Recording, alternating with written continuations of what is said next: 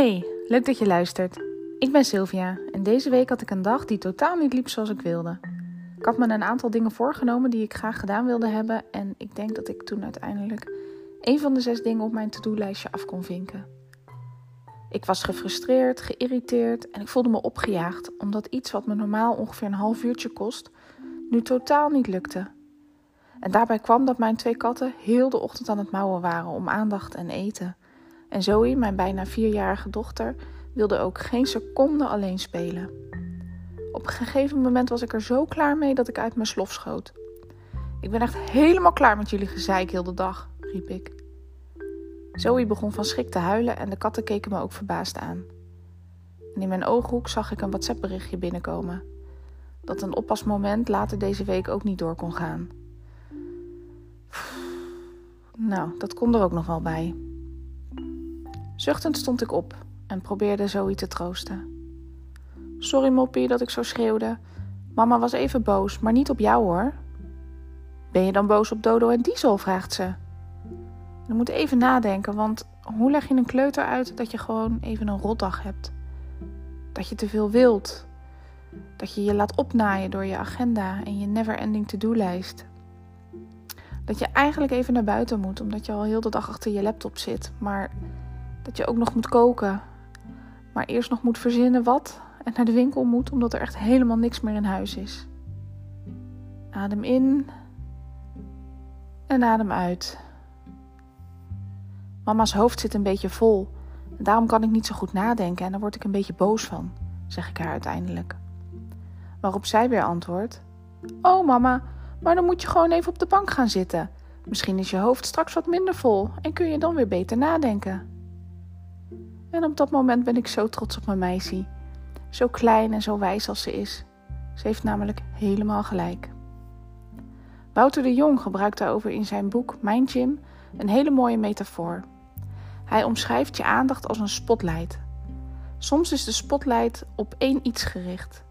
Een spannend boek, of als je aan het sporten bent, of een aflevering van je favoriete serie op Netflix.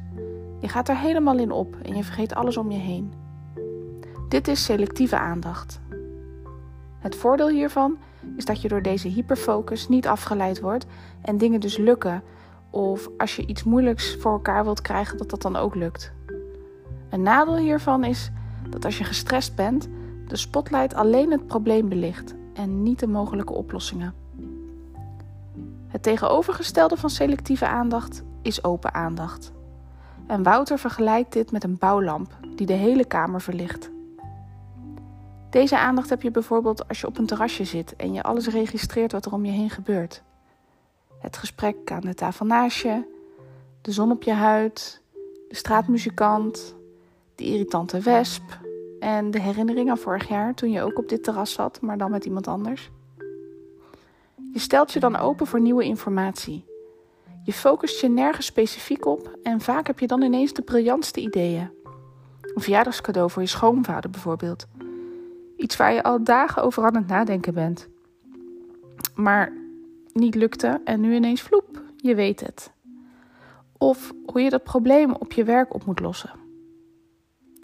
Wat afstand nemen van dingen zorgt ervoor dat je uit je hyperfocus stapt en met letterlijk meer afstand kunt kijken naar wat je aan het doen bent.